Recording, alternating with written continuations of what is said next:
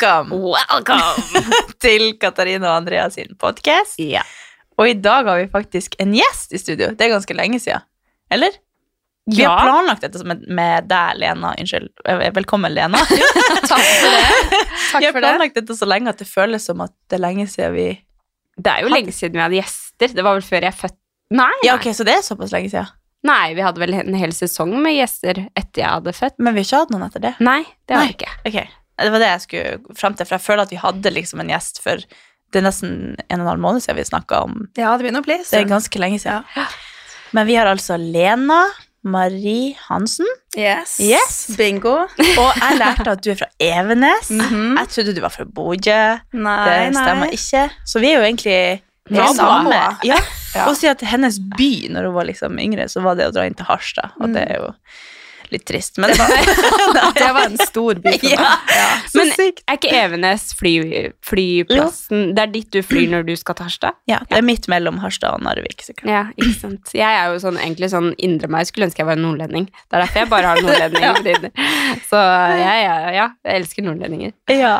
Nei, men Det er veldig veldig koselig at du er her. Vi hadde jo en prat i poden for ja, ganske lenge siden der vi begynte å snakke om at eh, vi burde egentlig være Altså ta utdanning innenfor mentaltrening eller ha en mental... Bare Vi har vært litt lost, Ja, vi si. vi har Vi har, vært vi har vært innom det meste, men vi lurte på om vi skulle ta en mentaltrenerutdannelse, da. Bare for å finne litt ut av ting. Ja. ja. Og så bare Nei, jeg trenger, det jeg egentlig trenger, er bare en mentaltrener. Og så vet jeg ikke om du hørte det, eller om du bare skrev helt tilfeldig til meg. Det var faktisk ei venninne av meg som sa at uh, hun er veldig fan av deg, Katarina. ja, så hun sa at dere hadde snakket om det, og så uh, Det burde jeg hive meg med på. Nei, Så det herregud, var så sånn artig. det oppsto. Ja, for når du kom, så var det som et uh, Hva heter det? En Lyn fra klar ja, himmel. Du bare En engel. Hva skulle du si? Det var det. En engel som kom ned. Men så Det var jo helt perfekt. Ja, så nå sitter vi endelig her, og vi tenkte at vi, vi har jo ingen eh, konkret plan for denne podden. Vi bare ja, vi tar inn en gjest, og så neste episode aner vi ikke hva er. Dere har Men stilt en del spørsmål da, Ja. til uh, lytterne. Ja. Så Vi har mm. altså så masse på agenda, agendaen. Men aller først så må vi jo vite litt hvem du er. ja. Kan ikke du bare ta litt, en liten sånn uh, Jeg heter jo da Lena, 35 år. Eh, Jeg har to gutter som er 10 og 11. Mm. Så eh, tidligere, når jeg var ung, så drev jeg med sprangridning. Oh, ja. Så det var min idrett. Eh, bor i Stavanger. Flytta der når jeg var 19 og drev med ridning i stuen der før jeg begynte å studere. Eh, og da studerte jeg økonomi. Tok en bachelor i det mens jeg fikk barn. Eh, var ikke så lenge i den bransjen før jeg fant ut at det var ikke helt eh, min hylle. Eh, så utdanna meg innen trening og har vært i treningsbransjen nå i åtte år. Hmm. Ja. Så eh, Og du er da altså eh, eier av CrossFit Ask. Ja, jeg er deleier av CrossFit Ask i Stavanger. Ja, og mentaltrener. Mentaltrener, ja. Og så Tror du må ta resten av litt. ja. Bare, ja, men det var veldig bra til deg. Ja. Eh, ja, så jeg er medeier i CrossFit Ask, og der jobber jeg som daglig leder. Eh, coacher en del, og driver med litt PT, kostholdsoppfølging. Så utenfor det da, så har jeg mitt eget foretak hvor jeg driver med mentaltrening. Eh, både én til én, litt eh, mot bedrifter, og holder litt foredrag. Eh, og så har jeg en mentorrolle i Nord3F, hvor jeg er med for å være med å utdanne litt trenere, da. ja. Så eh, Kan du utdanne oss, liksom? Til, tre til trenere? Nei, til mentaltrenere. Nei, jeg kan ikke utdanne mentaltrenere. Men eh, jeg tok mentaltreninga mi på Raw Performance, har gått level 1 og level 2. Og det ligger jo her i Oslo, og de er superdyktige. Ja. Så eh, skulle, det hadde vært jævlig Det artig, bare sånn for ja. egen læring, liksom. ja. ja, det har gitt en veldig stor nytteverdi for, for meg og mitt liv, i hvert fall. Ja. ja. Eh, og så er det jo kjekt å kunne videreformidle og hjelpe andre. Ja, det er jo derfor man ofte jobber med trening også, for man Ja. ønsker å se det, eh, gleden man har i trening hos andre, da. Ja. Mm. Så, nei, men så spennende. Kan jeg spørre eh, Jeg har jo så mange spørsmål, så jeg syns nesten det er dumt at, spu, at andre skal få lov å spørre. for Ja, men du er jo førstepri, da. Ja, jeg er førstepri. Men hva, hva var det som fikk deg til å uh, ville ta mental trening? Hva, hvorfor gikk du den veien? Um, det har egentlig fascinert meg ganske lenge. Mm. Um, og det var vel når jeg var mye yngre, så studerte økonomi, fikk barn, eh, og hadde liksom drevet med en idrett ganske lenge som jeg veldig brått slutta på. Eh, og så mista jeg litt fotfeste i eget liv, eh, og mista litt godfølelsen og visste på en måte ikke helt hvem jeg var. Plutselig var jeg mor, eh, skulle jobbe med økonomi og ja, hadde det egentlig ikke så bra. Så da leste jeg faktisk boka til han Erik Bertrand Larsen. Den blir best med Ja. mental trening. Har dere lest den? Ja. Eh, og det var litt sånn helomvending for meg. Eh, og så fascinerte det meg ekstremt. Så, eh, så det var vel mitt møte med mental trening og det å forstå hvor mye vi kan styre med å kunne styre våre tanker og følelser. Mm. Eh, og bli bevisst på hvorfor vi gjør som vi gjør. Eh, så utdanna jeg meg innen trening. Eh, har jobba med det lenge, men så at mental trening er en stor del av det. Mm. Så eh, Jeg tror det er veldig mange som undervurderer den mentale Eller viktigheten av å ha med seg det mentale inn i Mm. egentlig alt man holder på med. Men hvordan kan man egentlig sammenligne det med psykologi? eh, mental trening handler jo om å hente fram vårt potensial i det vi gjør.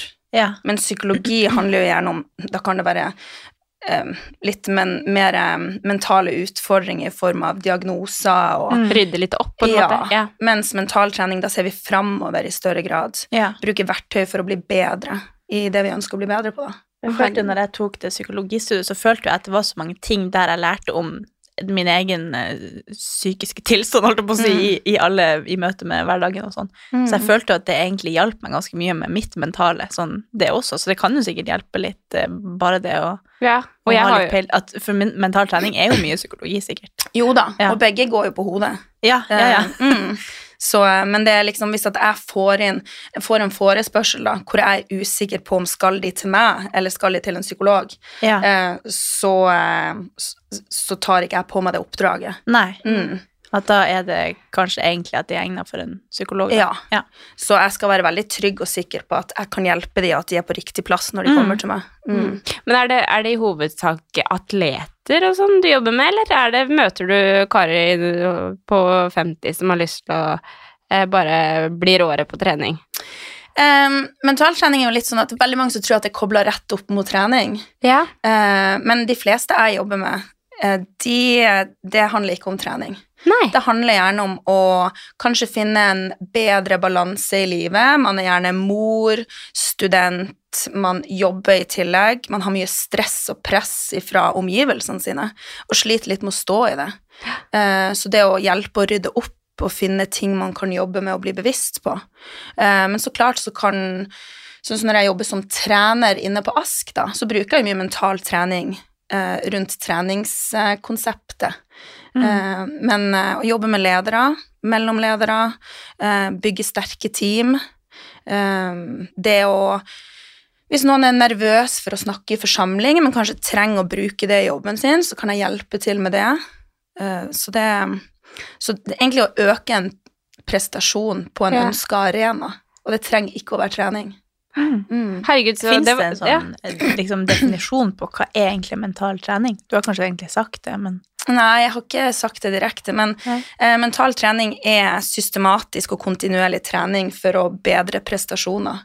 ja. Eh, så bedre ferdighetene som ligger til grunn for å bedre prestasjonene sine. Ja. Så basically så er mental trening styrketrening for hodet. Uh, og alle har jo et forhold til, eller de fleste har jo et forhold til trening for kroppen. Og da Mm. vet vi jo det at jeg kan ikke gå inn en dag her og nå og trene styrke og bli dritsterk. Jeg må gjøre det kontinuerlig over tid og bygge opp den kapasiteten. Og da når jeg først kanskje har nådd et mål på treninga mi, hvis jeg slutter å trene, så jeg er ikke god på det så lenge.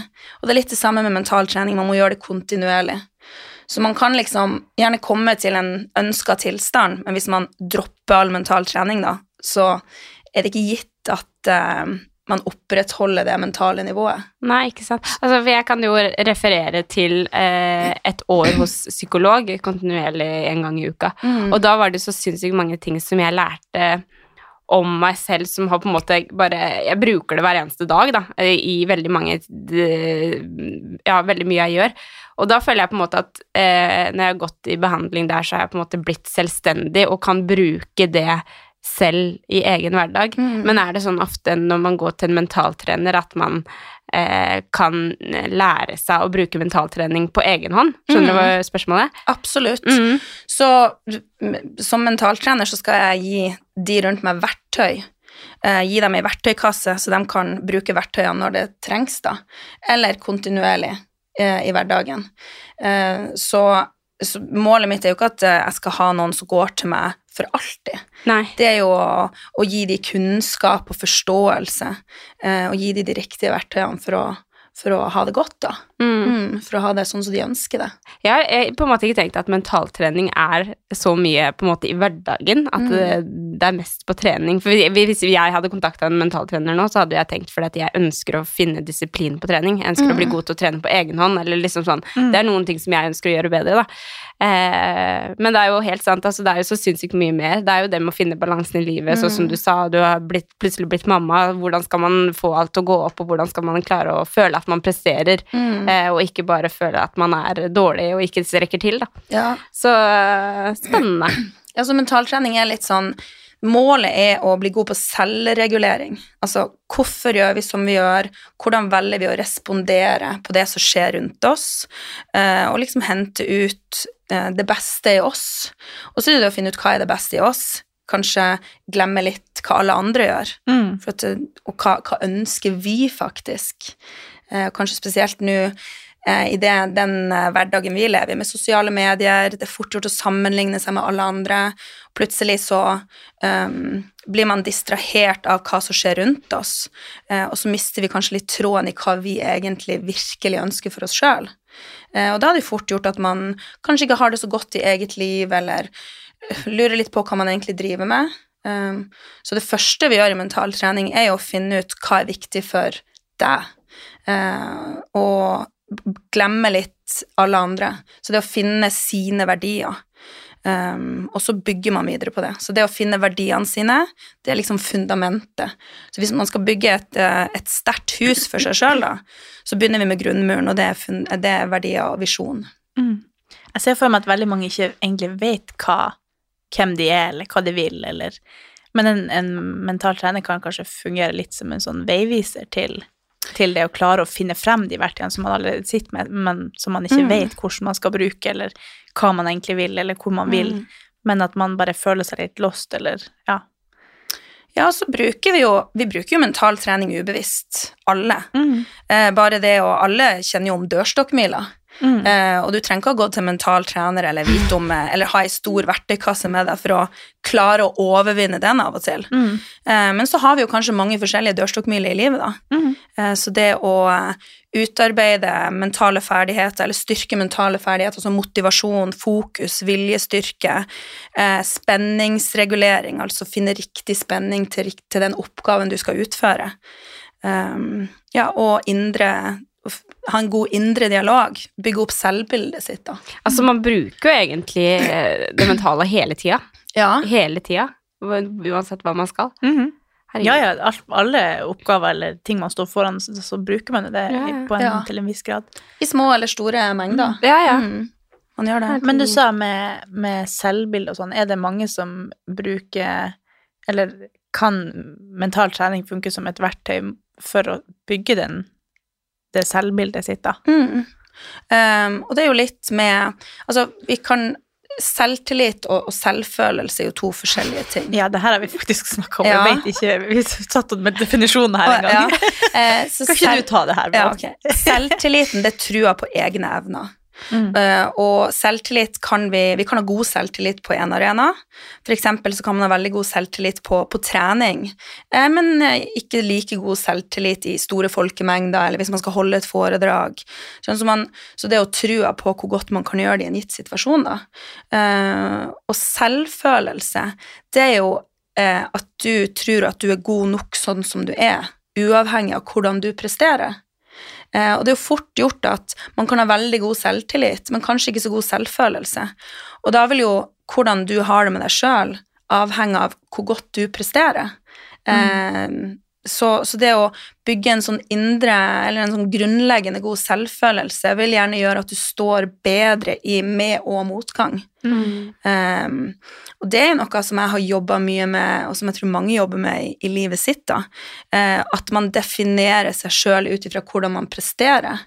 Eh, og da kan man jo ha det veldig bra med seg sjøl når man er god i ting, eller i en flytperiode hvor man kanskje har stor framgang i karriere eller på trening eller det man ønsker å bli bedre på, da. Men så vet vi jo at motgangen kommer. Eh, og hvis selvfølelsen ikke er så, så god eller så sterk, så vil man kanskje slite litt med ja, hvordan man har det, rett og slett. Der tror jeg faktisk at jeg er helt omvendt. At jeg har veldig god selvfølelse, men jeg kan ha veldig dårlig selvtillit på ting som Sånn som på trening, da. Der har jeg jo selvtillit. Der føler jeg at jeg er på hjemmebane. Men hvis jeg nå skulle tatt en utdannelse, Ja. for eksempel, eller at jeg skulle satt meg og tatt en bachelor, eller ja da hadde jeg trengt en mentaltrener, har jeg funnet nå. For okay. Da, da hadde jeg trengt For jeg føler at hvis jeg skulle satt meg ned og nå liksom begynne å lese og skulle plutselig møte opp på en eksamen og sånt, så hadde jeg fått helt tetta og tenkt at det klarer ikke jeg i det hele tatt. Hmm. Da måtte jeg hatt en mentaltrener. Ja, for da, da handler det om forberedelsen i forkant. Ja, men jeg tenker liksom nei, nei, det er helt Det kommer jeg ikke til å klare. Det tenker jeg allerede nå. Hvorfor tror du det? Nei, fordi jeg bare ser for meg selv på skolebenken. Det funker ikke. Har du, eh, har du litt sånn dårlig forhold til skolebenk? Altså, nei, egentlig ikke. Jeg var liksom på skolen for å være sosial. Ja. Hvis du skjønner. Jeg syntes det var helt konge å være på skolen, men jeg ville gjerne bare bli ferdig, og så ville jeg ut i verden, på en måte. Mm. Så eh, det er jo litt sånn artig Eller det er ikke artig, men det er jo i hvert fall eh, Hvis man skal se et eksempel på det, da, så tror jeg Ja. jeg ville Det er liksom det som jeg kanskje ville ta tak i, da, hvis jeg Mm. skulle gått en mentaltrener. For Ja. å finne liksom mitt potensial på skolebenken. Ja. Og da er det jo det å finne ut, ok, hvorfor skal du på skolebenken? Eh, skal du på skolebenken for å være en toppstudent, toppstudent, eller skal du på skolebenken for å få en utdanning, for å få eh, altså det å, å finne ut hva er bra nok, Mm. så du vet hva du skal måle deg opp mot. Eh, og, og det med å gjerne være litt raus med seg sjøl, da. Eh, jeg har vært beinhard med meg sjøl store deler av livet og vil liksom prestere uh, få gode resultater. Uh, og så nå når jeg ser tilbake, så tenker jeg, men hvorfor brukte jeg så mye tid enten på å Uh, ja, jobbe så hardt for det, eller være så redd for å mislykkes? For hva er egentlig å mislykkes? det er det å få en B? Mm. Uh, det er jo gjerne ikke det. I, I hvert fall ikke i mitt liv. Nei. Når jeg Ja. Og det er jo artig, for det sånn, hvis jeg nå skulle gått på skole, så hadde jeg tenkt at det er bare for å overleve, på en måte, eller sånn Mm. komme meg gjennom, og om det hadde vært eh, bare at det der bestått, på en måte. Mm. Mens hvis jeg skulle sett i en treningssammenheng, så ville jeg jo veldig gjerne at det skal være perfekt, hvis du skjønner. ja. At det er liksom Man har sine arenaer som man har skikkelig lyst til å prestere, men så, ja Det er jo sikkert eh, med motivasjon å gjøre og alt, da. At Mm. man, eh, ja. Hvis man tenker på mentaltrening, jeg snakket jo litt om fundamentet. Mm. Altså hvis man ser for seg et hus, grunnmuren, da har man verdiene. Eh, og så er det som et, et hus, da. På toppen så har man resultater. Øverste etasje, der er resultatene. Eh, og de kan man gjerne ikke påvirke så mye. Eh, fordi at jeg kan være med i en konkurranse, og jeg kan gjøre mitt aller, aller beste, men alle kan være bedre enn meg. Eh, og hvis jeg da skal måle meg ut ifra det, så kan jo ikke jeg til å være fornøyd. Hvis, uh, og samtidig så kan jeg være med i en konkurranse og vinne, men egentlig ikke prestere så veldig godt, for at alle de andre var bare på et Ja. annet nivå enn meg. Eh, så, så øverst så har vi resultatene, og nederst er fundamentet, grunn, eller verdiene, da. Og imellom der så har vi flere nivåer. Og rett over verdiene så har vi en del mentale teknikker eh, for å oppnå mentale ferdigheter. Eh, og teknikkene er målsetting, eh, visualisering, indre dialog og avspenning.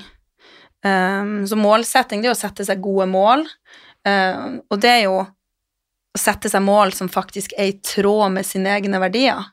Eh, hvis vi har et sett med verdier, hvis det er viktig for meg å være hjemme og bruke masse tid med ungene mine, med familien min, og målet mitt er å bli eh, karrierekvinne, så går jo jeg på tvers av mine verdier. Er med på den? Mm. Mm. Da må man rydde opp. Ja. måte, ja. Eller hvis at målet ditt er å bli eh, komme på et høyt nivå i crossfit, f.eks., eh, men verdiene dine handler mer om å bruke tid med familie, venner, eh, kose deg i helgen med å gå ut, eller Så er jo det òg to mål som går Eller to ting som går på tvers av hverandre. Åh, det tror jeg veldig mange er lost. Ja. jeg, jeg, jeg kjenner meg igjen. ja, for det, jeg, det, det tror jeg det er veldig mange som tenker at eh, ja, nei, hva, hva vil man? I hvert fall hvis man er litt sånn usikker på hvil, hvilken vei man skal gå i livet, da, så er man jo Ja, det kan jo referere til så sykt mye nå som jeg er blitt mamma, og der man har lyst til å holde på med alt mulig annet, liksom. Så er det viktigste for meg egentlig å være sammen med dattera mi og liksom familien min, da. Eh, men så er det jo så mange ting som man har lyst til å få til å ja. Mm. Ja, så jeg tror nok Men du nevnte indre dialog og visualisering. Er det noe Mm. liksom for sånn så, Man gjør sikkert det, men man er ikke helt bevisst på det. Er det noen måte man kan være bevisst på å på en måte visualisere det man ønsker å oppnå da i livet, eller hvordan skal man på en måte kunne bruke indre dialog sjøl i, i møte med en situasjon, da? Ja. Gjør du det bevisst sjøl? Ja, og ehm, kanskje spesielt på, på enkelte områder. Vi kan jo ta visualisering først, eh, som ligger i første etasje, over Mm. grunnmuren. Um, og visualisering, det som er sykt kult med det, er det at hodet vet ikke forskjell på det du har sett for deg, og det som faktisk har skjedd. Og det er jo derfor at idrettsutøvere og ledere, eller at man, hvis man ser for seg en framtidig oppgave man skal igjennom, da, um, når man kommer i den situasjonen, så tror hodet allerede at du har gjort det. Mm. Så da har du øvd på det. Um, så det med å visualisere er et veldig godt uh, hjelpemiddel til gjerne å øke selvtilliten til en uh, gitt uh, situasjon, til å øke fokuset eh, til en gitt situasjon. Og, og det man kan gjøre da, man kan f.eks. visualisere at man er i den tilstand. La oss si at jeg skal gjøre eh, en snatch eller et løft. Se for meg at jeg står over stanga, hvor jeg setter hendene mine, hvordan det skal føles i kroppen, hvor jeg fester blikket mitt, eh, og liksom hele bevegelsen. Eh, men jeg kan også se for meg meg sjøl utenifra. At jeg ser på meg sjøl i en tredjeperson, da. Eh, så man har litt forskjellige måter.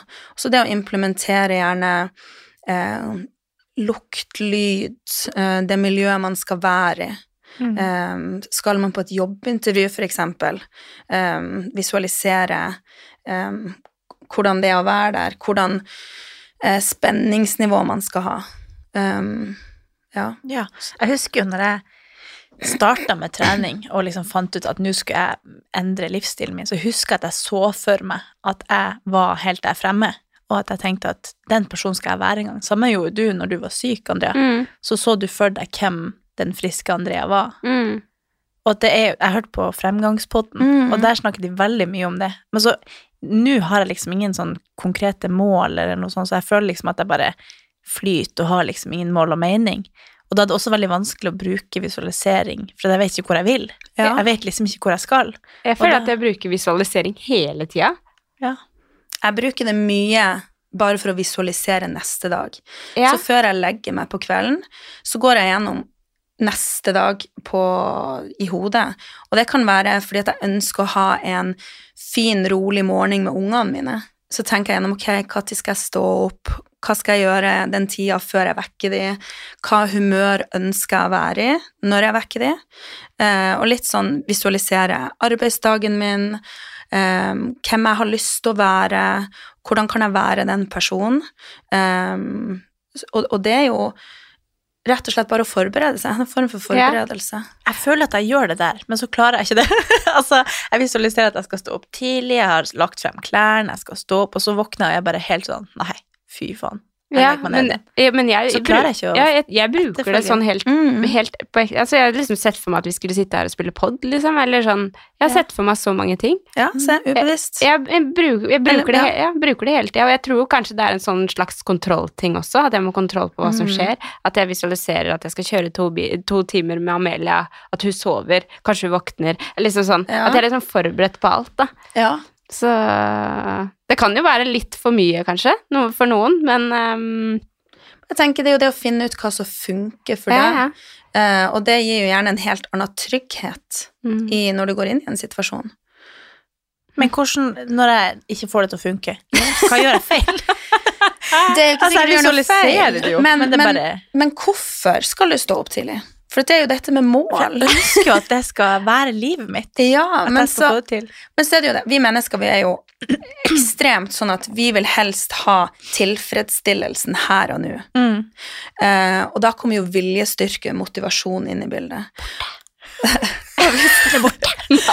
og hvis at, uh, La oss si du, du ønsker å stå opp tidlig, men hvorfor ønsker du å stå opp tidlig? Hva skal du få ut av det? Uh, hvordan vil du føle deg hvis du står opp tidlig? Uh, hvordan vil du føle deg hvis du slumrer eller sover lengre? Ja. ja. Jeg bare ler, for vi er jo Ja. veldig forskjellige der. Ja, ja, du, er du den som Ja, med en gang rekke- vekkerklokka går, så er jeg sånn sjup, rett opp. For jeg vet jo at jeg føler meg jo ikke noe bra hvis jeg slumrer. Og slumring, da blir jeg Mm, Jeg vet også det. Men, jeg, men Men da, tilfredsstillelsen der og da tar over. Yes, men og, Andrea, der er jo du god på å sette deg fram i tid. Yeah. Og det er jo litt kult, for vi har eh, en morgentime på Ask klokka seks. Eh, og det er kanskje den eh, mest populære timen vår. Den er ofte smekkfull. Um, og, og, og så er det jo ekstremt mange som sier sånn Ja, jeg skulle ønske jeg òg kunne trent klokka seks, men jeg klarer ikke å komme meg opp. Og allerede da har du jo satt deg sjøl i en bås som en person som ikke klarer å komme seg opp. Eh, og jeg òg liker godt å trene tidlig. Og det er ikke fordi at jeg liker eh, å være trøtt i trynet, dra meg ut av senga klokka fem, men det er fordi at jeg setter meg sjøl litt fram i tid og tenker på men det er digg etterpå, når klokka er sju. Men jeg gjør òg det. Gjør du det? Ja, og så tenker jeg Jeg vet at jeg ikke har tid senere på dagen. Jeg har liksom, det, det er nå eller aldri. Ja. Og likevel så er det bare sånn Nei, dette var så deilig at jeg bare blir liggende. ja. Sammen hvis eh, for eksempel at man ikke vil ha Eller man tenker at man ikke burde spise sjokolade, for eksempel. Og så står jeg der, og så bare Jo, jeg gjør det bare. Eller jeg ser på, jeg ser på, jeg ser på Too Hot To Handle, og de, har du sett på det? Nei. Der er det sånn at du ikke får lov til å ha sex, det er ingenting. Men Og det, da er det masse på on stake, liksom, hvis de gjør det. Da taper de masse penger, bla, bla, bla. Eh, og de vet at det er så mye på spill, men likevel så bare Hva heter det, lar de seg Instinkt, At de går liksom for fristelsen, da. Ja. Hvorfor gjør vi det? Når vi så bevisst vet, og du liksom skikkelig prøver å tenke at nå skal jeg ha viljestyrke, bare Jeg kan spise den sjokoladebiten i morgen, Mm. men du bare gir etter. Ja. Hvorfor gjør vi det når vi vet så godt at vi ikke skal gjøre det? Det er gjerne, for det første så, så er det jo kanskje en gammel vane, vond å vende, Ja. altså at man er vant til det. Så er det trua på at man faktisk er en person som kan stå imot. Eh, hvis, du, hvis du er litt sånn eh, Åh, jo, men jeg er jo en sånn person som eh, spiser opp hele sjokoladen eh, på en gang. Klarer ikke å bare ha ei remse. Da har, da har man jo allerede satt seg em, en idé om hvem du er. Satt seg litt i bås, da. Og da er det så mye lettere å bare eh, Da har du unnskyldninga klar. På samme måte tror jeg er jeg har hele tida, i alle, alle deler av livet mitt. Så Ja. har jeg satt meg sjøl i en bås. Ja, det har du. sånn Du har Ja. laga din egen sannhet. Og, Ja. det du, og det er jo det litt med indre dialog. Selvoppfyllende profeti. Ja. så, så, og det du sier til deg sjøl, uh, og den du tror du er, det er jo litt den du blir. Eh, Ja. Så dette med indre dialog, hvordan snakker du til deg sjøl, hvem ønsker du å være? Uh, og, og Men da, sånn som når jeg prøver da å stå opp tidlig, så tenker jeg sånn, Mm. jeg skal være den personen nå. Nå skal ikke jeg være den der som bare syns det er komfortabelt å ligge her, bare for at jeg er der. Men når jeg da står i øyeblikket, så bare Ja. gir jeg etter. Men jeg, jeg har hele tida sånne bevisste tanker om at jeg vil bli en sånn person. Men tror du det det, så, sånn som for meg, da, hvis jeg skal på trening, jeg har planlagt mm. jeg, jeg sa vel det i en episode nå for ikke så lenge siden, at hvis jeg setter på klokka Eller jeg må, jeg må bestemme meg før jeg legger meg om jeg skal stikke på trening i morgen tidlig eller ikke, for hvis den klokka går, så står Mm. jeg opp, for da vet jeg jo, det er det som er planen min. Eh, men tror du du da tenker egentlig at eh, det tar mer enn det gir. For det er jo sånn det er med meg hvis jeg da hadde slumra da, og sovet over den, den timen jeg skulle på klokka åtte, da. Så hadde jeg tenkt etterpå, da hadde jeg bare irritert meg over det, egentlig. Ikke sånn at jeg hadde gått Det hadde ikke gått og gnagd på meg, men jeg vet jo at det hadde gjort at dagen min hadde blitt så sykt mye bedre. Hvis du skjønner? Ja, men så har jeg det også veldig godt med å bare ligge der. Ja, men da, da, bare- da er det ikke sånn at du tenker på det resten av dagen at Nei. åh, jeg kunne ønske jeg var på timen klokka åtte. Nei. og da Nei. kan det jo være Jeg, jeg de legger de fra meg veldig fort. Ja, men, Ikke sant? Og da er det kanskje ikke så viktig for deg. Nei, men jeg tror faktisk Det har jeg liksom analysert oss to litt, Ja. meg og deg, Andrea. Ja. At eh, jeg tror at jeg lever livet mitt litt sånn eh, basert på hvem jeg vil at andre skal se meg som, Mm. mens du lever livet ditt veldig som hvem du er tru mot hvem du sjøl er, hvis du Ja. skjønner. At eh, jeg gjør ofte veldig mye for at eh, jeg tror at folk tror at jeg skal være sånn, Mm. eller at jeg ønsker at folk skal se meg på en viss måte, eller at jeg legger veldig mye hendene til andre, da. Så i går når jeg så på 2HT Handel, så kommer plutselig samboeren min inn. Og så bare sånn Nei, du skal ikke se at jeg ser på dette, for jeg skal være kul! Så jeg liksom klapper ned Eller sånn, jeg bare ble så flau for at han så at jeg så på Hva det. er det han tror du ser på, da? Og så er han sånn Unnskyld meg, jeg tror syns du er kul uansett hva du ser på. Men jeg har så behov for at, Ja. At han skal ikke vite hvem jeg egentlig er. Men da Men det var veldig sånn filleting, Ja, ja. da. Men jeg tror jeg er sånn i alle felt av livet at jeg vil at Veldig problem med å si nei til folk hvis jeg tror at de forventer noe av meg, eller uansett hva det er, så baserer jeg alt på andre mennesker og ikke meg sjøl. Og det er jo litt det her med å, å komme tilbake til din grunnmur, da. Dine Mm. verdier. Hva er viktig for deg? Um, og eh, for hvis at man skal leve ut ifra hva man tenker andre vil ha fra deg, eller hvordan andre, du ønsker at andre skal se deg, så gir du vekk en del av makta i eget liv. Um, så, så det å, å finne ut ok, hva er faktisk viktig for deg, hvordan ønsker du å leve, hva kommer til å gjøre deg glad, hva vil du gjøre mer av? Um, da har du gjerne begynt å stille deg gode spørsmål for å grave litt i hvem du er, og hvem, Mm. hvem du er, ikke hvem andre vil du skal være. Mm.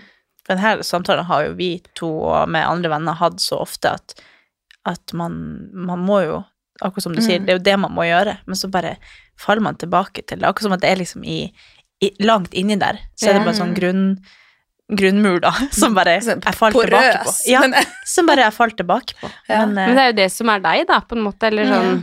Det er jo Du, er jo men er irriterende at jeg skulle jeg, det- Så jeg prøver hele tida å være noen andre, tror jeg. Men det er sånn som hvis meg og Katarina trener sammen, så får du til noe skikkelig bra. Eh, og så sier du 'ja, men jeg juksa'. Eller eh, så, så, det så alltid hun faller bare tilbake på at Altså, vi har gjort, vi har sånn gjort jeg- akkurat det samme. Men jeg tror det er for at jeg hele livet har vært eh, en sånn person, og så er det liksom med livsstilsendring med alt sånn, så har jo det Det har jo hele tida snakk om at det har vært vanskelig for meg å identifisere meg med hvem jeg er nå, Mm. kontra hvem jeg har vært, vært. For jeg har alltid liksom spilt på andre eh, ting for at folk skal like meg, eller liksom prøvd å være artig, eller Jeg gjør liksom mye sånn ting for at jeg prøver at folk skal like meg. Også med trening også, tror jeg at jeg ikke klarer å, å gi meg sjøl den creden jeg fortjener, eller ja, så bare sånn Ja, men det er jo fordi jeg er det, eller Jeg er veldig lett for å jukse, jeg er veldig lett for å eh, legge Ta mindre vekt enn jeg egentlig kan, bare fordi at jeg tenker at jeg er en sånn person. Så skal Ja. ikke det her bli en uh, psykologtime med meg, da. Men, Nei, men det er jo det er veldig viktig. Jeg er jo ikke psykolog, jeg er mentaltrener, er men akkurat det er jo det vi har snakket om, at derfor trenger jeg en mentaltrener. Mm. Fordi at jeg har så lett for å bare eh, falle tilbake til den der indre hvem jeg alltid har vært, Mm. eller ja. Men så prøver jeg så hardt å ikke være sånn. Sånn som i går så var det økt jeg ble introdusert for som så helt jævlig ut. Jeg tenkte at fy faen, det her har jeg ikke lyst til å gjøre. Så sier jeg bare ja. Ja, for jeg tenkte nå skal ikke jeg klage på det her bare for at jeg ikke har lyst til å gjøre det. Så gjør jeg det. Men så er det sånn hele økta som jeg helt skikkelig hardt jobber med å ikke eh, klage eller ikke eh, kutte ned på reps, eller, men så endte det med at jeg fikk så krampe at jeg måtte droppe vekt og alt det her, da. Ja. Men eh, da var jeg ganske stolt over meg selv at jeg ikke bare sa sånn Nei, det der, den øvelsen vil jeg ikke gjøre, eller For det har jeg veldig lett for å gjøre, fordi Ja. at jeg bare liker komfortsonen. Men eh, jeg vet ikke hvor jeg skal med dette. Men eh, men det med jeg er bare komfortsona veldig svak mentalt, føler jeg. Sånn i treningssetting. Ja, men så er det hva, hva ønsker du å få ut av treninga? For at, kanskje der, hvis du trener med folk som er veldig målretta i treninga og, og tydelig ønsker å bli bedre og legger inn masse arbeid for å bli bedre, eh, så betyr det ikke at det er det som er riktig for deg. Nei. Og det er faktisk eh, Bruke mye tid på å snakke med medlemmene våre om dette. Eh, drit i hva andre gjør. Vær litt tro mot deg sjøl. Eh, og vi har jo medlemmer, noen som har lyst til å konkurrere. Eh, vi har unge, vi har gamle, vi har folk i alle former og fasonger. Eh, og, og det å ikke la seg farge for mye av andre Det er greit å inspireres av andre, eh, men å la hva andre gjør, kontrollere deg, og hva du føler du burde gjøre, kontra hva du egentlig vil gjøre. Det tror jeg er viktig. Ja. Mm, være litt tro mot eh, dine mål. Eh, for at veldig mange trener for å For det gir en godfølelse. Man ønsker å få bedre helse. Det er kanskje ikke der man trenger å gå så mye ut av komfortsona, for kanskje du gjør det på andre områder i livet. Men da lurer jeg på, kan man bli avhengig av å være utenfor komfortsona? Altså, det å være utenfor komfortsona, det skaper jo vekst og, og godfølelse. Um, er du avhengig? Jeg Når man mestrer ting, ja. Ja. Jeg tror det. Jeg tror jeg er kjempeavhengig av det. Mm. Eller sånn, ja. Ja. En sånn uh, ut av komfortsone-junkie. Ja. ja. Elsker det. Og der må jeg si meg enig, jeg syns det er fantastisk å være ute forbi. Uh, og det er en treningssak på å komme seg ut forbi. Så kanskje det hvis man ønsker, ønsker å pushe litt grenser, kanskje begynne litt i det små, og ikke gjøre det for ofte. Og det ser jeg jo med noen som gjerne ikke har vært så Hvis jeg jobber med unge, med ungdommer eller unge voksne, eh, som kanskje ikke har trent så mye i livet sitt da, eh, de er veldig redd for å komme ut av komfortsona. Og det er jo fordi det er en skremmende plass å være. Du føler kanskje at du mister litt kontrollen, du vet ikke helt hva, hva det fører til. Eh, men hvis jeg klarer å pushe dem litt, og gjerne ha en samtale i forkant om eh, ok, hva ønsker du å få ut av denne økta, forklare litt hva intensjonen med økta er, eh, og så at vi setter oss et litt sånn felles mål, som gjerne både jeg og vedkommende vet at ok, vi må strekke oss litt for dette nå, eh, men etter de får den godfølelsen og trua på at de klarer mer enn hva de tror, så er det lettere å gjøre det neste gang. For ikke bare fordi at man Det blir mindre skummelt, men også fordi at man kjenner hvor, eh, hvor stolt man blir etterpå. Mm. Og det er jo ganske fint å være stolt Ja, ja. av egen innsats. Mm. Mm. Det er jo det. Men det er kanskje det du er litt avhengig av, da, at du får ofte mestring og ekstra mestring fordi du går utafor. Ja, men det, altså, det her er jo på en måte egentlig ikke Trening er jo én ting. Egentlig så liker jeg også veldig godt øktene hvor jeg er i komfortsona, hvor jeg Mm. kjører en endurance-økt og på en måte bare holder meg av godfølelse hele tida. Men jeg føler også jeg har blitt det litt sånn eh, Ikke at det er noe problem, nå la jeg det fram som at det var et problem, jeg, jeg, men jeg elsker at, eh, at jeg er litt sånn. Eh, men at jeg, jeg er veldig sånn at jeg oppsøker nye ting, da. I Ja. hverdagen også. At jeg på en måte Jeg liker jo å ha det trygt og godt, og at jeg har litt rammer rundt meg, men samtidig så liker jeg også veldig godt å bare Ja, men det har jeg lyst til å prøve. Ja. Det vil jeg gjøre. Og så om det gjør at plutselig så står jeg i en setting som jeg aldri har vært i før, hvor jeg liksom må holde et foredrag Ikke det at jeg har gjort det, da, men hvis jeg, jeg Nå bare visualiserte jeg igjen. Liksom, Ja. Hvis jeg ser for meg at jeg står og holder et foredrag for eh, 100 personer, så, så tror jeg ikke jeg hadde vært redd, på en måte. Da hadde jeg vært mer sånn Det her er kult, på en måte. Ja.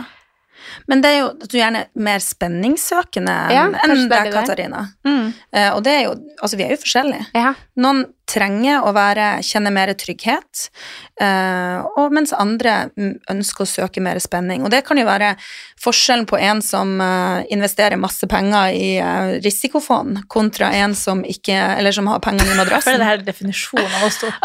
Der- fytti katta. Ja. Eh, og, og der er det òg det igjen. Ok, hva, er viktig og riktig for deg, da? Er du en som søker spenning, men som kanskje, og, og gjerne søker utvikling, men som plutselig er i en jobb som er veldig komfortabel? Da kommer du mest sannsynlig ikke til å trives så godt.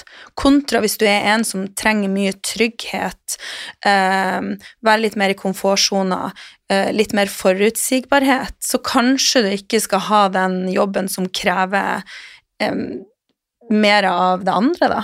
Mm. Herregud, så artig. Det er jo så sykt spennende, det her. Jeg føler Ja, som vi bare Vi Kan ikke vi ha Lena i, i lomma Ja. hver dag? Det, det, det kan vi Men- Ny podkast, Lena i lomma. Ja. Ja! Men, men føler du ofte Du jobber jo veldig mye med mennesker. Eh, føler du ofte at du, du kan eh, lese mennesker veldig godt, siden du jobber med mentaltrening, og at på en måte du kan eh, Du skjønner veldig fort eh, hvordan mennesker er, da. Det er jo både og, for noen er jo veldig åpne, mens andre er mer lukka. Eh, men det jeg har lært, er jo at jeg må være nysgjerrig. Um, jeg må stille spørsmål og vise at jeg bryr meg. Uh, for jeg tror hvis man møter andre mennesker med å være nysgjerrig og med omtenksomhet og raushet og ikke være så dømmende, så tør de å vise mer om hvem de er. Uh, og et stort mål for meg er jo å møte folk der de er, og kunne ja, bidra i deres liv på den måten de trenger. Og sånn som hvis jeg har en time med 14 forskjellige på timen, så kan det kanskje være 14 forskjellige måter å coache på. Jeg tenker Folk er jo så forskjellige. Ja, hva er motiverer dem Ja. forskjellig? Og hvis jeg skal vite hvordan jeg skal hjelpe, så må jeg vite hva, eh, hvordan er de mest mottagelige, eh, og hva ønsker de? For det er så fort gjort at som trener eller eh, når man jobber med mennesker, at man kanskje overfører sine mål og meninger til andre. Eh, og, og da er man jo ikke på bølgelengde. For at jeg gjerne tenker sånn, jo, men han burde sånn, eller hun burde sånn. Eh, men det å være nysgjerrig og være veldig ja, spørrende i hvordan man møter andre mennesker. Um, og i tillegg um, ta seg tid. Mm. Mm, for det, det å bygge tillit, eller å gjøre seg fortjent til tillit um, Jeg tror jo, mer eh, medlemmene eller de jeg snakker med eller trener, jo mer de stoler på meg, jo mer kan jeg hjelpe dem med å hente ut deres potensial. Mm. For da tør de å vise mer hvem de er, og vi kan kommunisere på et litt annet nivå, da. Ja. Mm. Føler du at det er noen plasser du bruker mentaltrening, Andrea, liksom i hverdagen? Jeg, jeg tror bare at jeg bruker det hele tida. Ja. Altså egentlig etter det vi har snakka om det nå, så tror jeg jeg bruker det hele tida. For jeg tror kanskje at jeg, jeg ser for meg situasjoner, og jeg tror jeg ser for meg hvordan jeg vil eh, Hvordan vil jeg være for andre? Hvordan vil jeg at folk eh, Ikke at jeg vil please noen folk eh, med hvordan jeg er, men at jeg selv vet at jeg er en mye mer energisk person hvis jeg er blid. Mm. Sånn komme hjem fra For eksempel hjemme, da. Hvis jeg kommer Mm. hjem fra et eller annet sted jeg har vært, og så vet jeg at jeg For når jeg, når jeg er hjemme aleine med hun lille, for eksempel, da liker jo jeg jo at, å ha det ryddig rundt meg. Ja. og så har man jo en kjæreste som kanskje ikke liker så godt, eller som ikke ser at uh, man ikke har tatt den bleia på do, eller Ja, når man har skifta bleie. Det her er, ble et veldig konkret eksempel, Tommy. Men- Ble- Blir han kasta under Ja, bussen men, her? ja, men det går veldig fint. Men da, da kan jeg jobbe med meg selv når jeg kommer hjem, så kan Mm. jeg visualisere at det ser nok ikke ut sånn som jeg vil, vil at det skal se ut, men jeg, det går fint. Mm. Eller sånn, jeg på en måte jobber med det hele tida, da. Mm. Så det her var bare et eksempel, men jeg tror jeg bare ser for meg at jeg går på butikken, da burde jeg ha en handleliste, for jeg vet jeg kommer til å glemme de tinga hvis ikke jeg har en handleliste. Mm. Så jeg tror jeg bare bruker det. Du setter deg jo på en måte opp til suksess i hverdagen, da. Ja. Det er faktisk noe jeg tenkte litt på når du snakket i stad om eh, Katarina, dette med du ønsker å stå opp, men, men så får du deg ikke helt til å stå opp. Mm. Og det tror jeg er noe som mange sliter med, um, og et eksempel som man gjerne kan videreføre til mye. Men hvordan setter du deg sjøl opp til suksess? Uh, hvis jeg har noen som sliter med å slumre uh, Vi hadde faktisk en utfordring på Ask for noen år siden, i sånn mange uker med utfordringer, og første utfordringa var stå opp når klokka ringer. Uh, og da var det jo det, ok, hvis du har ringeklokka på nattbordet, ikke gjort noe klart dagen i forveien, eh, så er sannsynligheten for at du slumrer mye større enn hvis at du gjør alt klart, ser for deg at du skal stå opp, hva du skal gjøre, og ikke minst kanskje legge den alarmen på utsida av soverommet, eller gjøre at du må opp av senga og ta, skru av mobilen eller alarmen, da.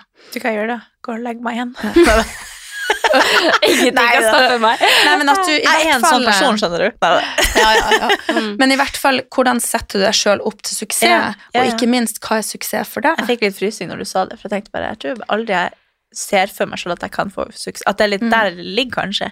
At man bare har en sånn Tenker liksom litt eh, dårlig om seg sjøl. Ikke sånn Jeg føler at jeg har ganske god selvtillit i veldig mange områder i livet, men jeg tror sånn at jeg har en sånn Men kan- grunnleggende Kanskje en ting du skal tenke på er eh, Hvis du da eksempel ikke får trent på morgenen, da, at da må du trene etter jobb, og da kunne du, du kanskje etter jobb isteden dratt hjem og laga deg noe god mat, og så slappe av, liksom. Jo, men det tenker jeg. Det er Ja. derfor jeg tenker sånn, nå må jeg gjøre det, for da kan jeg slappe av etter jobb. For sånn eller- tenker jeg. Da slipper jeg å trene klokka tre. Ja, kan men så, så det, når jeg da ligger der og er så trøtt, så er det sånn nei, det, Jeg gjør det i morgen. Jeg tar det i morgen. Ja, okay, Ja.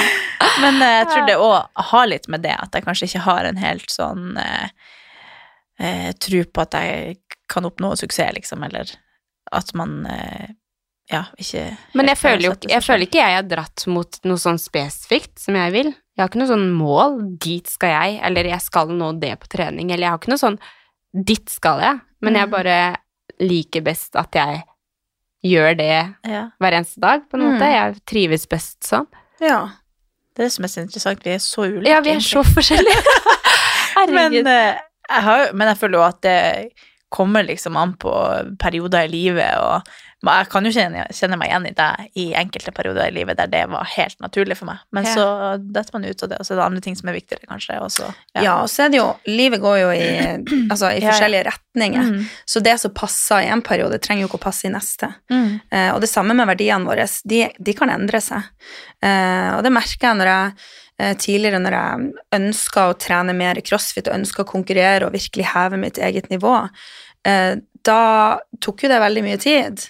Og så kom jeg plutselig til et tidspunkt i livet hvor jeg mista motivasjonen min, eh, hvor det var jeg virkelig måtte jobbe hardt med viljestyrken min for å utføre det som var så lett før. Mm. Eh, og så fant jeg plutselig ut at det er jo ikke jeg som plutselig er gått ifra å være en som er glad i trening, til å ikke gidde noen ting. Eh, men det var rett og slett at fokuset i mitt liv hadde endra seg. Eh, så, så målsetningen min sto ikke helt i tråd med verdiene lenger. Mm. Mm. Har du vært i noen sånne vanskelige situasjoner i livet der du har bevisst liksom tatt frem og tenkt sånn, nå må jeg ta tak i de her mentale verktøyene jeg kan? Ja, altså, jeg snakket jo litt tidligere om, eh, om under studier og eh, Mm. fikk barn og, og var, eh, ja, jobbet med, som økon økonom. Eh, da var det nok litt mer ubevisst. Eh, og så etter jeg da har tatt den mentaltrenerutdanninga, så har jeg blitt veldig bevisst på ok, hva verktøy bruker man, uh, lytte mer innover. Uh, og da er det jo blant annet så kan jeg bli litt sånn selvdestruktiv i hvordan jeg tenker om meg sjøl. Mm. Uh, og da jobber jeg mye med Jeg et mantra 'følelser er ikke fakta'. Eh, for at man, det er fort gjort at vi tenker noen ting, eller vi føler noen ting, og så eh, hopper vi umiddelbart på den beslutningen om at dette, dette er sant, Ja, dette er fakta. Mm. Og det er litt sånn artig, for man kan gjerne legge seg en kveld og føle seg fin og akkurat sånn som man skal være, og så kan man stå opp neste morgen og føle man ser ut som en dritt. Ja, ja, ja. Eh, og det er jo da, Tidligere så ville jeg liksom falt for det, mens nå er det nesten så jeg begynner å le, for det er jo akkurat den samme som jeg var i går, Mm. for åtte timer siden. Og da er det litt sånn, hallo, det er um, lettere å riste av seg ting. Mm. Dette med hvis noen sier noen ting, eller um, hvordan jeg tolker ting, uh, det betyr jo ikke at det er sant. Mm. Hvordan jeg tolker ting, det, uh, det finnes mange måter å tolke noe på. Og dere har sikkert vært i en sånn setting hvor man gjerne sitter en venninnegjeng, og så er det noen som sier noe, og så er det noen som føler seg støtt, mens andre bare sånn 'Å, det var løye', eller 'det var artig'. Ja. Ja. Eh, og det er jo tolkning. Ja. Ja, ja. Så det å prøve å se ting fra forskjellige fra forskjellige sider, da, i konflikter, være litt nysgjerrig istedenfor å være dømmende eller eh, bastant. Det her Mm. tror jeg sikkert veldig mange kan kjenne seg igjen i. At man, og at man har veldig mye å ta med seg, da. At man er litt bevisst på eh, Hvis man da får en negativ følelse, eller noe sånt, at man Mm. kanskje setter seg ned og bare sånn Vent litt, hva er det egentlig jeg føler på nå? Hva er grunnen til det? Eh, har jeg egentlig noen grunn til å føle på det her? Er det fordi Mm. at noen andre sa noe, eller hva er det plutselig som, som skjedde nå? Og så ta tak i det med en gang, sånn at man vet hvor det kommer fra, sånn at man er bevisst Ja. på at man skal snu det, da. Ja. I stedet for bare da havne inn i en sånn dårlig loop, da. Mm. Men det må jeg bare si at det husker jeg fra første gang jeg møtte deg på CrossFit Ask, så husker jeg meg umiddelbart at jeg følte at jeg hadde kjent deg lenge, for du har en veldig sånn nysgjerrig og åpen måte å kommunisere på. Du husker det var så fint, det var sånn, jeg kom inn og så var det bare en coach der som jeg bare husker så godt fra et møte, og det er jo en veldig oh, fin var- egenskap. kjekt å høre. ja, Ja. men det, det, er liksom når du, vi snakka på Instagram etter det, og så det var Mm. sånn, jeg er liksom glad i deg uten at jeg kjenner deg, for du har en veldig sånn fin... Ja, men det var kjekt høre. Så tror jeg også det er litt sånn at eh, når nordlendinger møter nordlendinger Ja, det tror jeg. så, Kanskje det. Men at det, det er en veldig Det har du sikkert med deg fra å ha møtt veldig mange personer i, i møte med, med trening og sånn, da, Mm. men, men det å, å møte mennesker med en sånn åpenhet og, og nysgjerrighet, det følte jeg det følte jeg personlig at jeg tok med meg videre, for jeg tenkte at en sånn person vil jeg også være. Som gjør sånn at man blir trygg, da. Og eh, jeg tror man har så lett for å bare ikke skulle bli kjent med nye mennesker, eller eh, at man bare holder seg til seg sjøl, eller Mm. Men jeg synes det, det var bare noe jeg måtte si, at du, du har en Mm, veldig var- fin sånn personlighet. Det setter jeg pris på. Ja. Det er jo òg litt um, Jeg har noen sånne For man har jo gode og dårlige perioder i livet. Um, og jeg er veldig klar på hvem jeg ønsker å være i møte med andre. Uh, og en av mine varseltrekanter for å vite at ok, shit, nå har jeg det kanskje ikke så godt. Kanskje det er for mye stress rundt meg. uh, kanskje jeg bruker tida mi Ikke har helt balanse i hva jeg bruker tida mi på. Og den, en av de største varseltrekantene, det er når jeg ikke klarer å møte andre sånn som jeg vil. Mm. Eh, for da vet jeg at ok, nå er det et eller annet som ikke stemmer. Nå må jeg ta en titt på eh, arbeidsmengde, stress, eh, ja, faktorer rundt. Um, og det er jo litt sånn eh, Jeg er klar på hvem jeg ønsker å være, men jeg, jeg eh, Ja, litt min væremåte er sånn, og når jeg ikke klarer å være det, så, uh, så er det noe som ikke stemmer. Mm. Mm. Vi har jo masse lytterspørsmål her. Hadde du mange vi, har flere? ikke, vi har ikke gått inn på de ennå, vi. Nei, men had, du hadde skrevet noen Jeg føler at jeg bare spør Jeg har veldig vært innom det meste. Ja. Jeg tenkte bare vi kunne ta noen sånne konkrete her som Vi har jo vært inne på altså nesten alle tingene jeg har skrevet ned fra, fra før av, har vi egentlig vært inne på, nesten. Mm. Um, og de fleste tingene har vi kanskje sånn litt svart på, men vi kan prøve. Eh, har du noen konkrete tips til hvordan man kan kontrollere nerver før konkurranse? Oi, den er spennende. Mm. Da er det jo litt dette med å stille forberedt til start. eh, Og vite at man har gjort det man kan gjøre eh, for å, å maks, eller for å optimalisere sin prestasjon, da. Eh, og det ene er Hvis man vet hvor man skal, hvis man vet lokalet man skal i, eller eh, vet hva øvelser man skal igjennom, så kan man jo bruke visualisering. Mm. Eh, man kan eh, faktisk øve på eh, hva man skal igjennom. Sånn som en del av Hvis man tar crossfit, da, så en del av de øktene man skal gjøre i konkurranse, de får man jo i forkant. Så da kan man jo øve seg på å være i en konkurransesetting. Mm. Og da vil man jo gjøre det så likt som overhodet mulig. Både hvis man gjør det fysisk, men òg hvis man visualiserer. Um, og det er ok, hva modus trenger du å være i? For du må kanskje være i forskjellig modus hvis du skal gjøre et tungt løft, kontra hvis du skal gjøre ei, um, en, ei sprintøkt, eller hvis du skal gjøre ei veldig lang økt. Mm. Så det å finne riktig modus til riktig oppgave. Eh, Så det å bruke visualisering, bruke indre dialog, hva sier du til deg sjøl underveis? Eh, Gjerne finne noen styrkeord som, eh, som du kan si, for eksempel noen sier gjerne råsterk, og dere vet jo Kristin Holte, hun har jo eh, kriger. Mm. Eh, Så det å finne ut hva vekker de riktige følelsene i deg for å kjempe videre. Mm. Og jeg syns det er kult det bildet hun Kristin har, at hun står liksom Hun skal over ei jaktmark og, og møte mange hindringer. Så hvordan hun velger å forsere de hindringene, så hun har et veldig klart og visuelt bilde av hvordan hun skal løse oppgavene. da. Mm. Eh, og så tror jeg òg det å forberede seg til hvordan man skal stå i motgangen, altså smerten, for eksempel. Eh, og òg forberede seg til hvordan man skal eh, opprettholde fokus. Hvis man blir veldig stressa og får mye nerver eh, under stress, så korttidshukommelse ryker ganske fort. Eh, koordinasjon. Det vil jo si at hvis man skal gjøre en veldig teknisk økt, eller har en oppgave som krever at man må ha hodet godt med seg, da er man jo ikke så godt rusta som man kan være, da. Um, men ja, sånn som du, Andrea, som er god på visualisering, bruke det. Og, og um, gjerne knytte til seg Hvis man kjenner at man er usikker på noen områder som andre kan hjelpe deg med, um, spør om hjelp. Mm. Mm.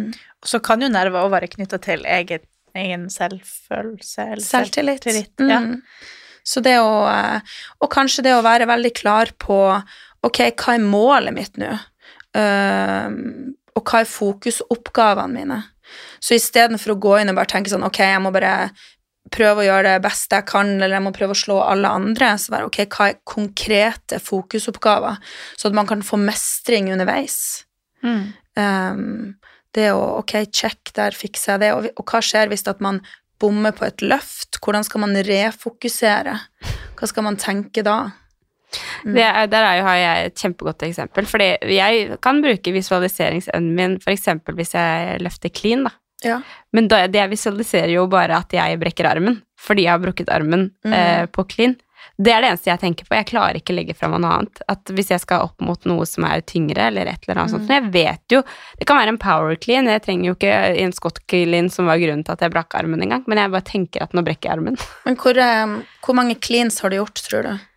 Siden jeg brakk hånda? Nei, generelt. Veldig mange. Veldig mange. Hvor mange ganger har du brekt hånda? Nei, ikke sant? Ja. en gang. Ja. Ehm, og det er jo kanskje det å begynne å, å sette det i perspektiv, da. Ja, men jeg skjønner ikke hvordan jeg skal bli kvitt det der bildet av at å ja, nei, men nå står det kan det, liksom, Jeg er til og med i den settingen med den singleten som jeg har på meg i dag, på en måte, men Mm. jeg, jeg brekker hånda. På en Ja. måte. Men da har du på en måte en sånn mental sperre, da. Ja, Mm. eller traume, eller Ja. et eller annet som jeg må bare få bort. Ja, og det å, å faktisk begynne å se litt på fakta, da. Ja, ja. Det som, fordi her, har du, her lar du følelsene dine og frykten din kanskje styre. Mm. Men ok, begynn å se på konkrete fakta. Hvor mange cleans har du gjort? Hvor Mm. mange ganger har det gått galt? Eh, også da kanskje For det er jo selvtilliten um, som har fått seg en, en knekk, da. Uh, og litt det her med at du har laga deg en, en, en egen sannhet. ja, Mm. jeg har nok det. Jeg er hun som brekker handa på klinen, liksom. Og der ble jeg. Men så Katarina ligger og sover. Ja. Men jeg bruker òg ha en liten sånn fordi at jeg har sett klippet av deg som knekker armen så mange ganger at jeg føler jo at det kan skje meg også, så jeg har jo òg nesten fått en mental sperre av det.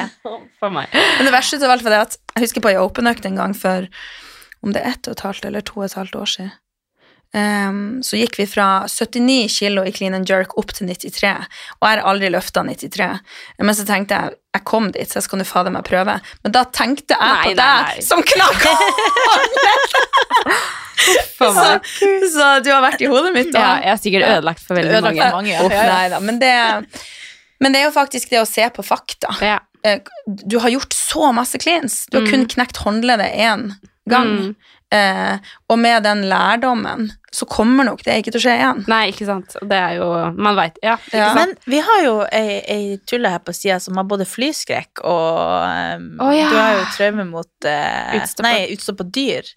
Kan man, kan man bruke mental trening for å bli kvitt sånne både, altså Flyskrekk og det er jo på en måte to vidt forskjellige ting, da. Men er det- er ikke så ille. Men vi kan jo snakke Du, om for eksempel må edderkoppskrekken din. Jeg nå. hele veien. Altså Jeg har ikke edderkoppskrekken eggekoppskrekk. Nei, du har jo det. Nei, jeg bare drømmer om de. Du, Jeg er ikke redd for de når jeg ser du så på hytta når du, når du og Kevin skulle sove, så sa du Ja, men jeg bare geita meg. Jeg bare okay, greit. Ja, jeg er redd for døde dyr som henger på veggen, da. Ja. Veldig. Jeg tror Men du må kan gi henne det i bursdagsgave. Nei. Så Ja, altså, Du mener jeg må ekspo... Hva heter det? Eksponere? eksponere det. Ah, ja. Men kan, sånn som flyskrekk, da. Kan Ja. man mentalt trene seg gjennom å bli kvitt det? Ja, Eller er det bare Ja, man kan jo gå for hjelp til det. Ja. Eh, jeg har aldri jeg, jeg, har ikke liksom vært borti det. Men Nei, flyskrekk eh, men er jo en bitte liten fillesak. Jeg flyr jo. Men jeg Men du ikke sitt- unngår å fly. jeg ikke Du begrenser her. livet ditt fordi du er redd for å fly. Nei, du, jeg, jeg stikker til Spania hvis jeg skal okay. til Spania. Det Er målet helliger middelet, liksom? Ja, Ja. men jeg, har ikke noe, jeg hadde ikke spilt inn en podkast hvis det hadde hengt en elg på veggen her. Nei. Og det er helt sant, altså. For jeg hadde ikke takla det. Jeg hadde ikke klart med et situasjonen. veldig artig ansiktsuttrykk her på sida. Ja, dette, dette syns jeg var Ja, men det Jeg har er- aldri hørt om noen som er redd for Nei, Det helt sant. Jeg kan jo synes at det er litt ekkelt. Ja. Dette, Men det hun er er, ikke noe jeg ville pynta huset med. livredd. Sånn begynner å skrike og får trøbbel, altså springer Mm. ut og hyler. Jeg har har ja. ikke kontroll. Jeg Men har du alltid hatt det? Ja, fra jeg var liten i hvert fall. Jeg Ja. husker situasjonen da jeg blei det, men det trenger vi ikke gå inn på nå. Nei. Men, men eh, jeg har liksom det er så, det er, Jeg tror nok at jeg får et angstanfall når jeg ser det. At på en Mm. måte tanken av å se et utstoppa dyr gjør at liksom hele prosessen skjer i Mm. meg, så jeg får lyst til å på en måte bare sette meg ned som en ball, hvis du skjønner, og mister alt, liksom. Mm. Men er det Tror du at det er selve utstoppa dyret som er problemet, eller at en tar den tilbake til en situasjon som framkalte følelser? Nei, og jeg en- tror det er dyret. Ja. At det er liksom Jeg, jeg blir så redd. ja. Jeg blir så Altså, det er helt sykt. Jeg kaster opp, og jeg svimer av, og jeg er helt ukontrollert. ja. Det, er rart, det er rart å forstå, men det, man skjønner at det er det. forstår det ikke Man selv. skal høre mye. Ja. Det skal man. Ja.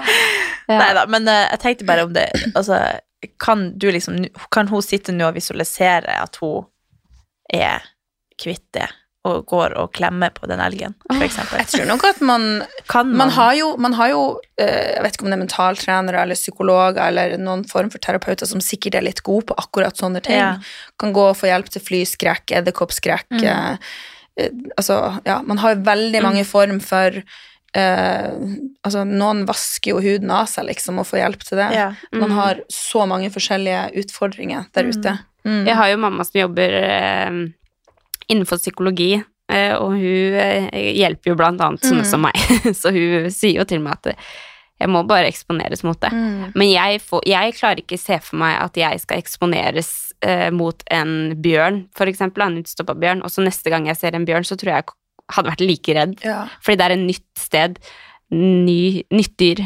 Ja. liksom, det, er sånn, det, er ikke, det er ikke en situasjon som jeg er kjent med. Hadde jeg gått inn i et rom Jeg hadde sikkert ikke klart å gått inn i det rommet uansett, men, men med masse dyr, da. Så hadde jeg kanskje blitt liksom vant til at alle de er der. Men hadde jeg møtt en igjen senere, så hadde jeg Ja. Ja. Det ble veldig spesifikt inn på meg. meg Ja, bare, tenk, jeg bare kom på det, det er jo ganske Vi har jo fortsatt eh, litt eh, et par her, jeg skal ta bare noen få. Ja. Ehm, ja, det var på en måte litt det jeg spurte om, men kan man ved hjelp av mentaltrening bli kvitt f.eks. angst, eller jobbe med angst? For angst er jo litt sånn plutselig. ja, og der tror jeg ikke Hvis noen hadde kommet til meg med angst, så ville jeg gjerne sendt dem til, Ja, til ok. noen andre. Ja. Mm. Det Da, det var òg et spørsmål hva, hvordan vet man om man trenger mentaltrener eller psykolog, men det er kanskje i dialog med både en mentaltrener og en psykolog, så kan man kanskje bli sendt videre hvis det, Ja. situasjonen gjelder noe annet. Da. Mm. Ja. Ehm, har du noen konkrete tips til å tørre å være utafor komfortsonen? Ja, altså, det å være utafor komfortsona, det er eh, litt som vi snakket om i stad, det er jo ubehagelig. Eh, og for å ha- ha det ubehagelig, så må vi vite hvorfor vi skal ha det ubehagelig, og vi må ha lyst til å komme dit. Mm. Eh, og det kan jo være altså, Ikke alle er så glad i studier, men hvis man har lyst altså, Det å, å studere lenge eller eh, eh, Ja, vi gjør jo egentlig ubehagelige ting i større eller mindre grad hver dag. Eh, noe fordi vi må, noe fordi vi føler vi burde, og noe fordi vi vil. Eh, men det å være litt klar på eh, hvorfor skal jeg ut av komfortsona, eh, og vite hva får du i den andre enden, da vil det være lettere å motivere seg. Mm. Mm. På samme måte som hvis du sitter på sofaen og vet du hadde tenkt å trene, eh, har egentlig lyst til å trene, men så kjenner du på at du ikke gidder, så er det det å sette seg sjøl litt fram i tid og tenke på om en og en halv time så kan jeg sitte tilbake på sofaen. Jeg kan være ferdig trent og ha fått uh, enten jobba mot målene mine eller uh, opprettholdt god helse eller beveget meg. uh, eller om en og en halv time så kan jeg sitte her og angre på at jeg ikke gjorde det. Så det å sette seg sjøl fram i tid, um, det tror jeg Ja. Ja. Å vite hvorfor. Um, det er noen veldig sånn konkrete her, da, men uh, uh, Noen som sier at hvis man har mange ting i livet som butter imot, da, Mm. hvordan kan man opprettholde positivitet i livet på tross av det? Er det noen verktøy man kan ta med seg inn i Ja, altså Det første som ramla ned i hodet mitt, det er sånn Det er ikke hvordan du har det, det er hvordan du tar det. Og det er jo litt sånn, Mentaltrening handler jo mye om selvregulering, hvordan du velger å respondere på det som skjer rundt deg. da. Uh, og jeg tror at hvis man kan lære seg å se løsninger på, potensie- eller på problemer, da Um, Kanskje har noen personer som man stoler på, som man kan spørre om råd. eh, og ikke minst akseptere at det er veldig mange ting man ikke kan gjøre noe med. Og det å heller fokusere på å bruke energien på det vi kan gjøre noe med, og finne gode løsninger på det. Ja. Mm. Eh, Som man skulle hatt det i lomma hele tida. Ja, man skulle det. Jeg tror jeg føler at jeg må gå tilbake og høre på denne poden Ja. mange ganger i livet. det men jeg har lært så mye. Ja. Herregud. Det er litt sånn uh... Vi kan ta det aller siste her, om det er noen verktøy du liksom føler at veldig mange eh, Som ofte går igjen da med personene du jobber med, som lyttere kan ta med seg. Om det er noen sånne ja. Nå har vi jo gått inn på veldig mange, da. Ja. Men, eh, Ehm, For det For å rappe det litt opp. Da. Wrap it up. Uh, det første så vil jeg jo begynne med verdiene. Hva er viktig for deg? Eh, for det er jo det som er Altså Har man ikke verdiene i bunn, så er det vanskelig å bygge noe som helst oppå det som, som er bærekraftig. Uh, og så tror jeg òg at litt det her med hva velger du å fokusere på? For det er liksom noen som kan stå på en solværsdag og irritere seg over at kanskje det blir regn i morgen Ja. Eh, dette med å, å være litt i nuet, da. Eh, og- så n- nu Eller drit litt i hva alle andre gjør. Eh, vær litt tro mot hva du vil. Finn ut hva du ønsker, og, og legg deg en plan mot det.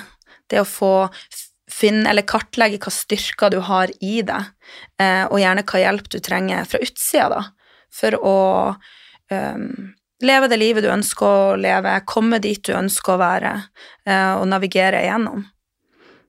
Det er vel eh, Ja. Så tror jeg det her med det- det er så ofte Eller det verste jeg vet, er når noen sier til meg sånn Å, du er så heldig, eller du har sånn flaks. For hvis man lever i en sånn verden hvor det handler om å være heldig, uheldig, ha flaks og uflaks, så tar man ikke ansvar for verken det bra du får til, eh, eller det som går litt dritt. Så det å ta ansvar for egne handlinger, eh, på godt og vondt, da. Være litt bevisst på hvorfor man gjør som man gjør, eh, og, og hvorfor man ønsker å gjerne gjøre noe annet.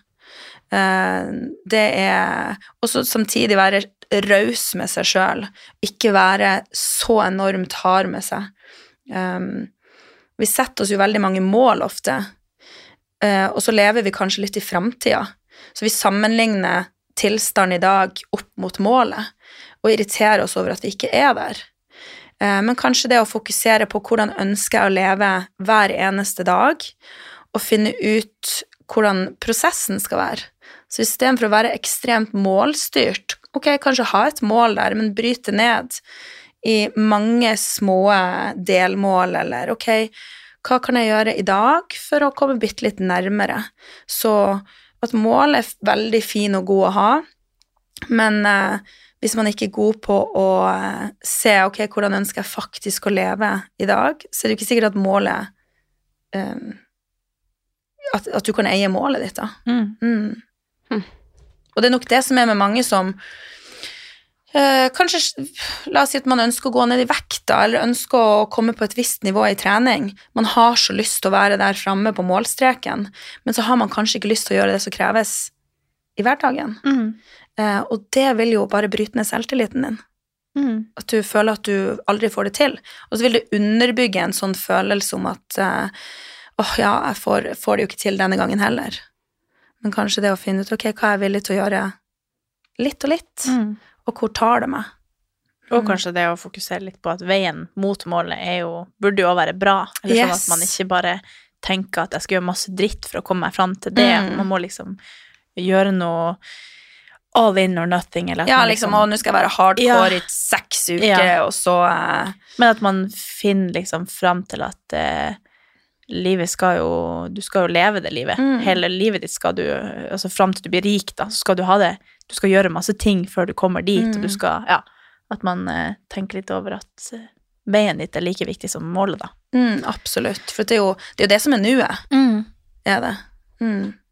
Nei, men eh, det her var en veldig god episode, syns jeg. Jeg føler jeg har vært Jeg har sett på en film. På Ja. måte, du vet, sånn, når du ser på kjærlighetsfilm og sånn, så, så er du den ene personen i filmen. Ja. Sånn er jeg. Nå har jeg bare blitt sånn Ja. nå, skal jeg, nå skal jeg bare begynne å tenke sånn. og så- Altså, jeg er helt sikker på Ja. at vi blir å få masse spørsmål inn hvor folk lurer på altså, Du må bare komme igjen. Eller så må du starte Lena i lomma. Herregud, vi skal ha deg i baklomma ja, vi skulle det. Jeg vil ringe deg og være sånn Du, nå! Helvete, hel, helsvekkes. Ja. Nei, men tusen takk for at du kunne komme. Ja, takk for at jeg fikk komme. Vi har fått Veldig en kjekt. time med mentaltrener, vi nå. Ja, Ja. det var jo helt magisk. Dette kan jeg snakke om i en evighet. Ja. Jeg elsker det jo. Ja. Ja, men vi Så får ta en til episode når vi er litt ute på høsten der. Men så, hvis det er noen som føler at de trenger en mentaltrener, da, så jobber jo du med det. Så vet, hvor kan de kontakte deg? Eh, jeg har en Instagram-konto. Hva heter jeg på ja, Det, det, Nei, jeg så ut som ikke. det var et sånt spørsmål. Katarina, hva heter jeg på Insta? Ja, du veit Vet ikke hva du? heter. Lena Marie Hansen? Nei, heter- Lena MH Nei. Ja, kanskje Lena M... M Jeg Vet ikke du sjøl? Nei, jeg vet ikke hva jeg Nei, du din Åh, det hadde vært deilig å ikke visst hva man egentlig heter på Instagram. Eh, Ja, jeg har jo Lena Marie Hansen heter du. Lena Marie Hansen med to Ja. s-er. Ja. Ja. Ja. Vi kommer jo til å legge ut eh, navnet ditt på Instagram, og alt, så man finner deg der, da. Men da har du i hvert fall eh, Hvis noen vil eh, prate litt mer med deg, så kan du i Mm. hvert fall eh, ta kontakt her. Ja. Det blir sikkert å ringe deg, vi også. Ja. Men tusen hjertelig takk for at du kunne komme. Det Det setter vi veldig stor pris på. Det tipper jeg lytterne også setter veldig pris på.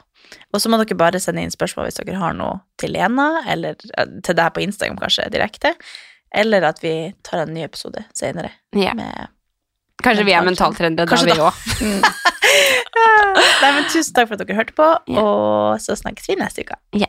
Ha det. Ha det bra.